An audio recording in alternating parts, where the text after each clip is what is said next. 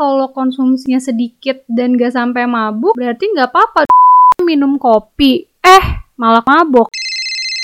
Assalamualaikum warahmatullahi wabarakatuh teman-teman semua Sebelumnya kenalin nama gue Maudi dan selamat datang di podcast Proses Obrolan seputar ekonomi syariah Hai hai, apa kabar teman-teman? Semoga kita semua dalam keadaan yang baik, yang sehat, amin Oh iya, gue mau nanya nih, teman-teman suka nggak sih misalnya lagi suntuk berat, butuh inspirasi gitu ya, lalu larinya ke kopi, buka aplikasi, terus order deh kopi gitu ya.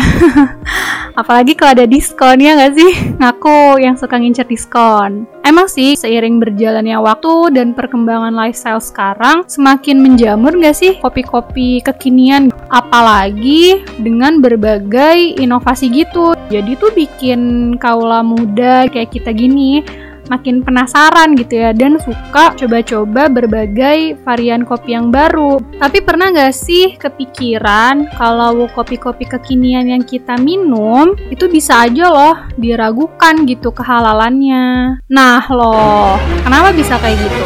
Padahal kan perasaan kopi itu sendiri karena dari tumbuhan gitu ya dan kayaknya halal-halal aja gitu kan. Hmm, Lantas, apa dong yang bikin kita harus hati-hati nih sama kopi yang kita minum?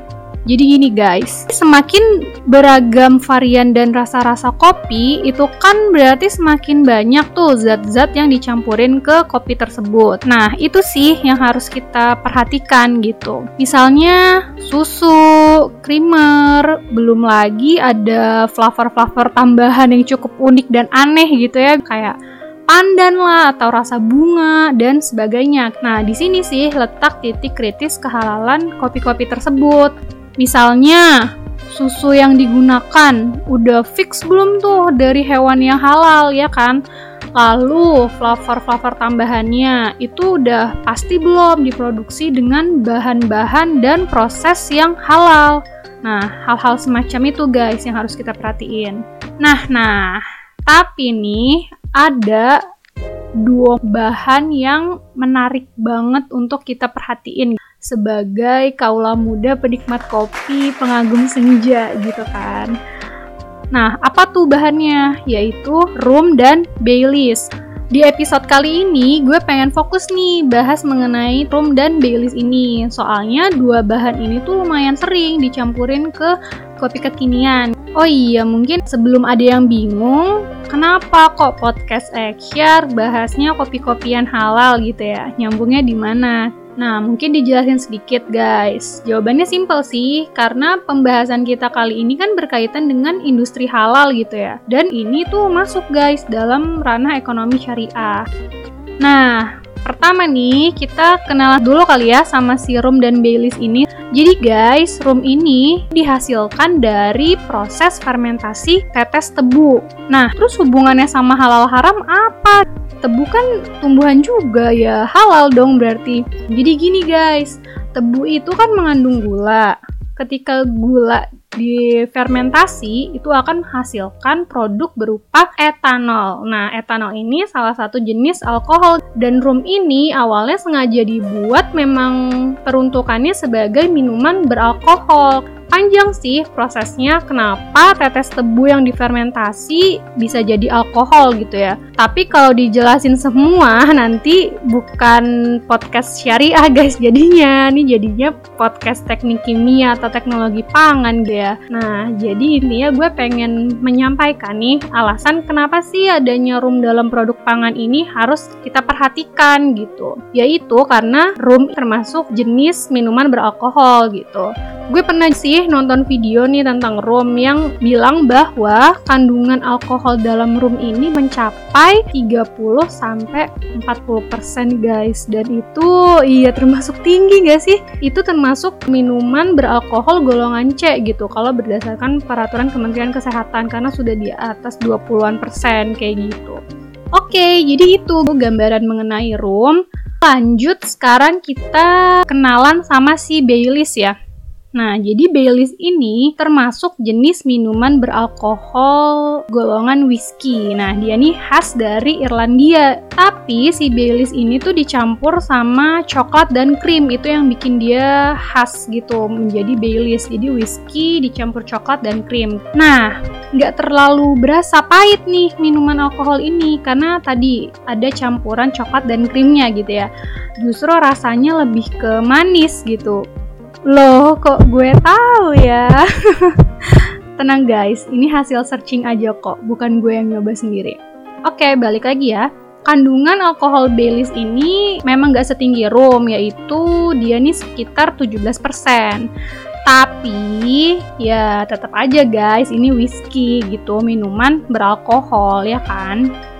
Selain rum dan Baileys ini kadang-kadang dicampurin ke kopi kekinian gitu ya untuk menambah cita rasa dan aromanya, zat ini juga sering dicampurkan untuk membuat makanan guys. Contohnya nih seperti kue-kue cantik atau dessert-dessert cantik kayak gitu biasanya. Tujuannya sama untuk menambah aroma dan cita rasa makanan tersebut. Nah, tadi kan udah nih dibahas mengenai gambaran umum ya tentang rum dan Baileys. Sekarang kita lanjut, gimana tuh mengenai hukumnya? Kalau bicara hukum, kan harus ada dalilnya ya. Kita harus merujuk ke Al-Quran ataupun hadis. Nah, kita lihat nih guys, di surat Al-Baqarah ayat 219. Di situ tertulis bahwa pada hammer terdapat dosa besar dan manfaat tapi dosanya lebih besar daripada manfaatnya. Nah, tapi mungkin kalau sampai sini masih ada yang bilang, ih itu masih ada kok manfaatnya ya, denial gitu kan. Ada lagi nih guys, surat Al-Maidah ayat 90 dan 91. Di situ disebutkan bahwa minum hammer adalah termasuk perbuatannya setan guys. Dan dengan minum hammer ini akan membuat kita terhalang-halangi gitu dari mengingat Allah. Kan ngeri ya guys. Nah, selain di Al-Quran juga ada nih di hadis berbunyi kayak gini. Setiap yang memabukkan itu adalah hammer dan setiap yang memabukkan itu haram. So, hadis ini bilang bahwa hammer itu haram kan? Jadi intinya sih guys, alangkah sangat-sangat baik kalau kita tuh menjauhi hammer. Eh, bentar bentar bentar. Kenapa dalil tersebut mengenai hammer gitu ya? Kok nyambung sama minuman beralkohol? Emang hammer apa sih? Kenapa minuman beralkohol identik dengan hammer? Jadi guys, indikator hammer kalau gue ringkas dan gue rangkum tuh kayak gini. Pertama, dia itu zat yang bisa menimbulkan kesenangan yang berlebihan, sampai halu gitu ya kalau gue minjem istilah sekarang. Halu loh kayak gitu. Nah, yang kedua adalah zat yang apabila diminum dalam jumlah banyak itu akan memabukkan dan menghilangkan akal sehat. Jadi dia berpotensi untuk memabukkan intinya gitu. Jadi, minuman beralkohol yang memabukkan itu termasuk hammer, geng. Dan karena rum serta Baileys ini tuh termasuk minuman beralkohol, jadi mereka ya dikatakan juga sebagai hammer kayak gitu. Eh, tapi tapi kalau konsumsi rum dan Baileysnya sedikit dan gak sampai mabuk, berarti nggak apa-apa dong harusnya. Hmm, jadi gini guys. Langkah pertama kita harus identifikasi dulu nih rum dan Baileys ini termasuk hammer apa bukan, ya kan? Dengan melihat tadi ciri hammernya itu kayak gimana, yaitu zat yang berpotensi memabukkan. Itu ya yang harus digarisbawahi. Dan dari hasil penjelasan mengenai rum dan Baileys tadi, sudah dapat dilihat dong bahwa dengan kadar alkohol segitu persen tadi, itu cukup potensial untuk bisa membuat seseorang mabuk, iya kan?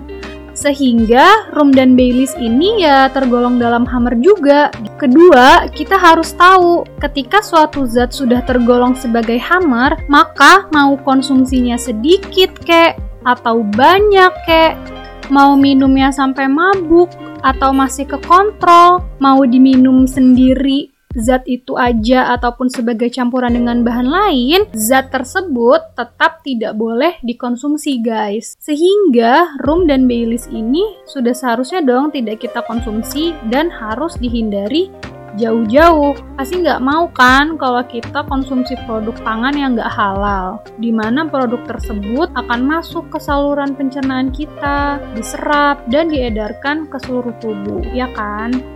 Nah, mungkin sebelumnya juga udah ada yang tahu dan kepikiran ya tentang eh ada loh rum sintetis dan Baileys yang non alkohol. Nah, itu hukumnya gimana? Jadi, mereka itu memang bukan rum dan Baileys yang mengandung alkohol, melainkan hanya rasa rum dan rasa Baileys aja. Nah, mereka ini fix alkoholnya itu kadarnya 0%. Secara hukum, kalau nggak mengandung alkohol dan nggak akan mungkin bikin mabuk, nggak berpotensial bikin mabuk gitu ya itu bukan disebut dengan hamar. Dan ya memang halal tapi ya kalau secara prakteknya tetap mengkhawatirkan guys. Kenapa?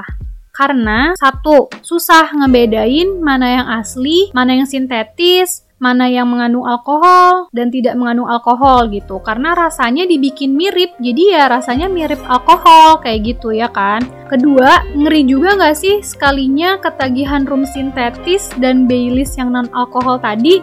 Eh jadi hilaf pengen yang asli kayak ih kok enak sih? Terus jadi pengen gitu nyobain yang aslinya kayak gimana sih? Sebenarnya apa sama enaknya atau malah makin enak? So menurut gue ada baiknya dihindari juga sih guys biar nggak terlanjur terjerumus kayak gitu. Kecuali kalau udah pasti nih teman-teman memiliki self control yang baik untuk nggak kepo gitu nyobain yang asli setelah nyobain yang sintetis ya tadi.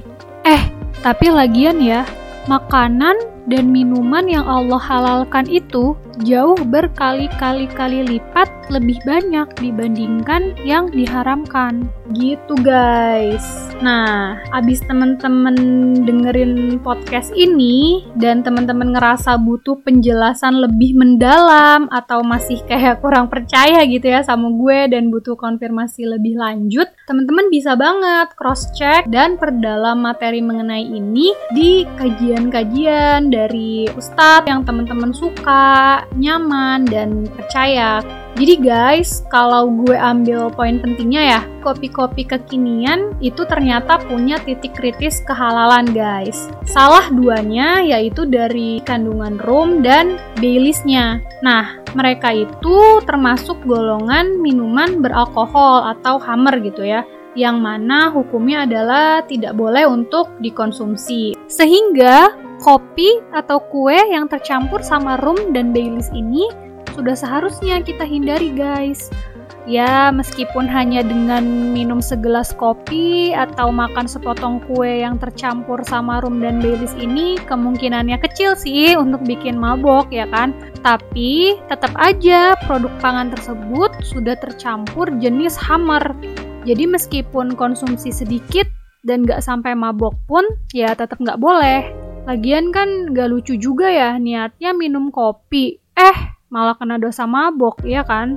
Yang meragukan aja langkah baiknya dihindari gitu ya guys, apalagi yang udah jelas-jelas tidak diperbolehkan. So, gue pengen ngajak temen-temen untuk jangan mau jadi konsumen yang apatis yang nggak peduli produk yang kita konsumsi itu baik atau tidak untuk kesehatan dan apakah halal atau tidak kayak gitu ya caranya gimana Yuk, mulai sekarang kalau mau beli kopi kekinian, kue cantik, atau dessert cantik gitu ya, pastikan dulu guys, kedainya, kafenya, dan produknya itu sudah tersertifikasi halal dari Majelis Ulama Indonesia atau MUI. Atau at least nih, kalau temen-temen tuh kayak kepo banget pengen nyoba kalau ada kopi atau kue dessert cantik yang baru gitu, ya tolong bisa ditanyain dulu ke Mbak Mas penjualnya Mas, Mbak, ini dicampurin rum atau belis nggak ya? Ini semua bahan-bahannya halal atau enggak ya? Kayak gitu. Ya meskipun kita nggak tahu juga sih ya, Mas atau Mbaknya ini akan jawab jujur atau enggak, ya kita husnuzon aja dulu.